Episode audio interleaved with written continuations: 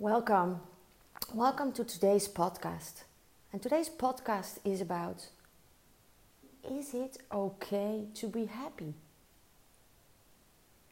Is it okay to be positive?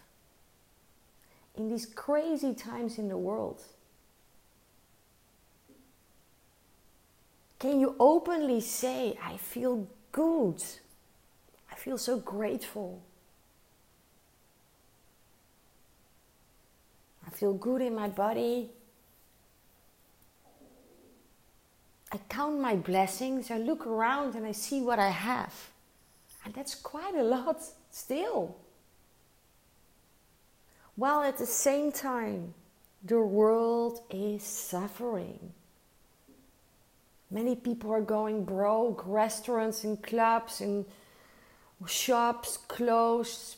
People are going insane and I understand. I actually I have so many friends who are in troubles, friends, family, and I feel the pain, I feel their sadness, and it's big.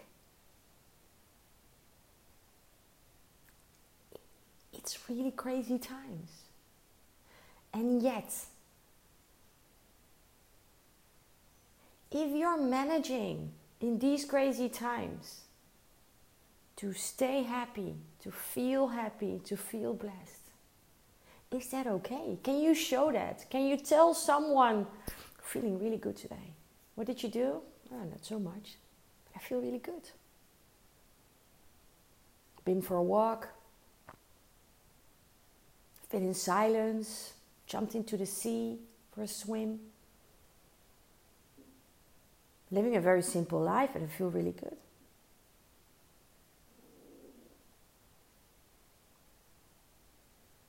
This was the topic I spoke to. This was the topic I had today with my client. I got up with it. And then we had this conversation.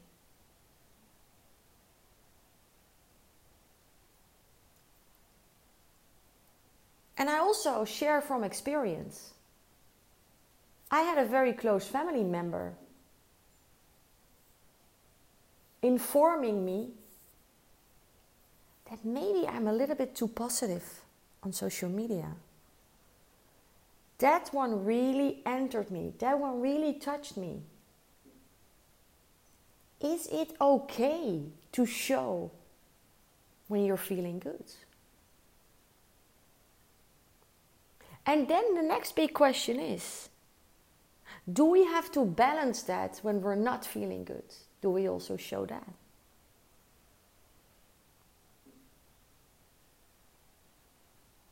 Of course, you are what you are. But the secret is in the fact when you're not feeling good, and that can be because something around you happened, your relationship ended, someone was not nice to you, something from outside. But it can also be that it's just from inside. You wake up in the morning and you're just like getting out of bed with the wrong leg. And you just feel awful. But the secret lies in here. When you're not feeling good, you can still be happy and positive because you know it will go away. It's like a wave in the sea. They come and go. Sometimes it's a big one, sometimes it's a little bit lower. And sometimes you see, I was, maybe you have seen it, I wrote a, a blog about it. Sometimes you see this big wave coming, you're on your surfboard, you're laying in the water, and you're seeing this big one coming, and it's so big. You're like, oh my goodness. Oh, am I going through it? Am I gonna surf the wave? Am I gonna try to jump over it? Or am I just laying here and fully receive and see what I need to do? So the secret is in staying happy and positive no matter what.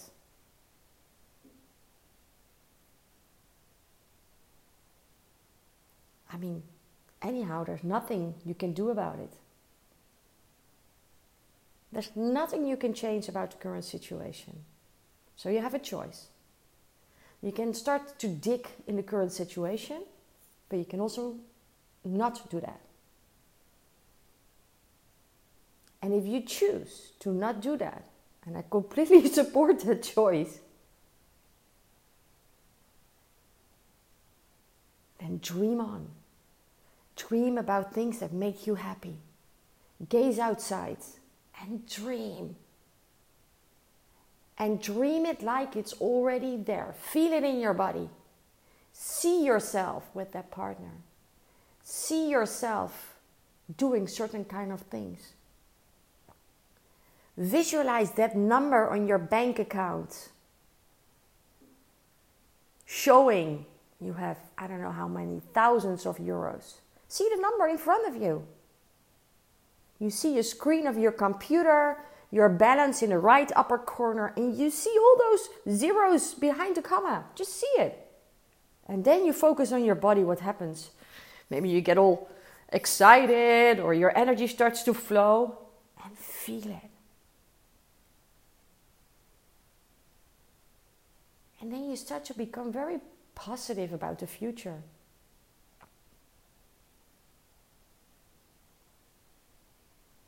Because you can continuously create and create. You cannot dream outside of your possibilities.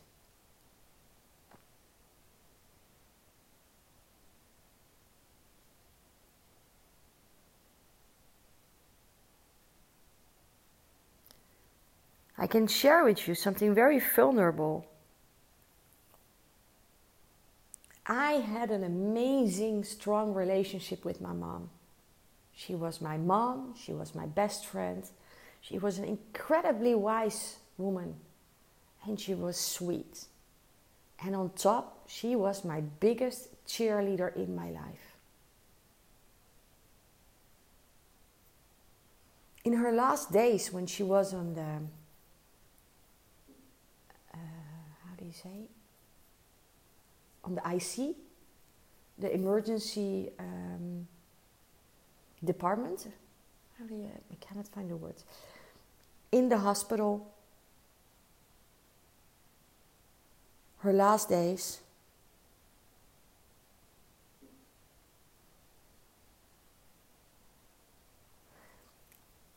I went to visit her three times a day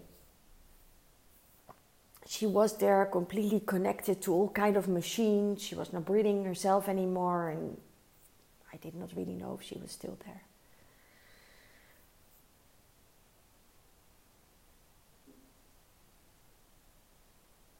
During those days i was incredibly sad because i was about to lose the most important person in my life didn't feel like eating anymore. I was losing kilos like crazy. And yet, every day I really dressed myself well, going up there to the hospital three times a day.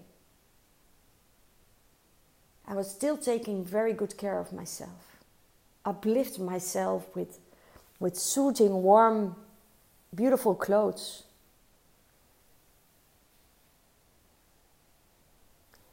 And what happens is I, I went up there. I see myself going up the escalator to go to that. It's a strong department that I see when you're there.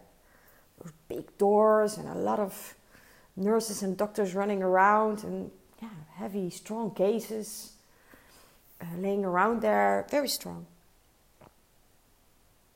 And I remember myself going up there. It was almost the last day, and I could feel that saying goodbye. And I felt happy. I felt very sad of letting her go. I was deep, devastated. But at the same time, I had a happy feeling. It was very, it took me years to admit, this is actually the first time I speak about it. And if I ask myself the question, why did I feel happy? I felt good in my body. I felt good that I was taking care of myself in such a good way, like looking nice and I washed my hair and I blow dried it and it looked good. I was happy and, and grateful that I had a car driving up the hospital when I wanted. I was happy that they, they, they took such a good care of her in the hospital and that I was able to visit her three times a day. And I was very grateful that I had the time to say goodbye of her. I really had time to say goodbye and to let her go. And was very happy about that. Do you think I shared it with anyone at that time? Oh, no. They would think that I'm crazy that I can have those emotions all together. Now, 10 years later, I dare to share openly, World Wide Web, everyone can know and can hear.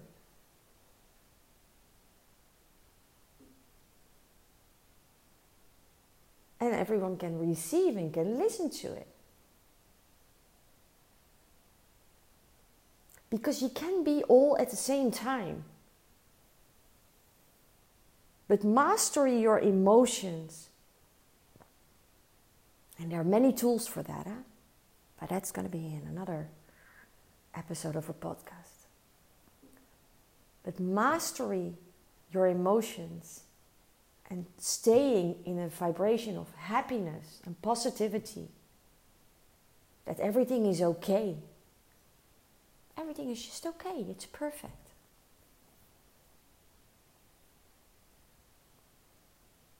Is it allowed to be happy? Hell yes. Is it allowed to show your happiness and positivity? Of course. Is it okay that not everyone likes it? Of course. You're not sharing it to be liked, you're sharing it because it's what it is.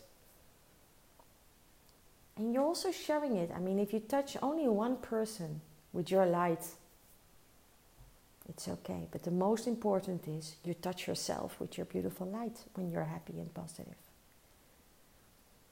You light up yourself.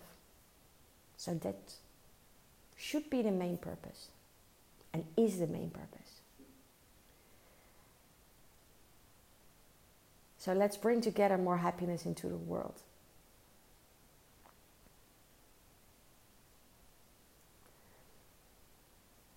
Three secrets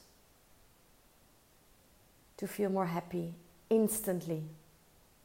Put on some cute, good music and start to dance. Put on your favorite music and just move, move it out. Start to move your body. Second, breathe. Take a moment and practice a good pranayama. Breathe. Three minutes can be enough. Just three minutes. Third secret Take pen and paper and start to write what you're grateful for. One page. Write, write, write. It can be easy things. You brush your teeth, to comb your hair, or make yourself a cup of coffee. Express your gratefulness on paper. And happy, happy kiss from me to you.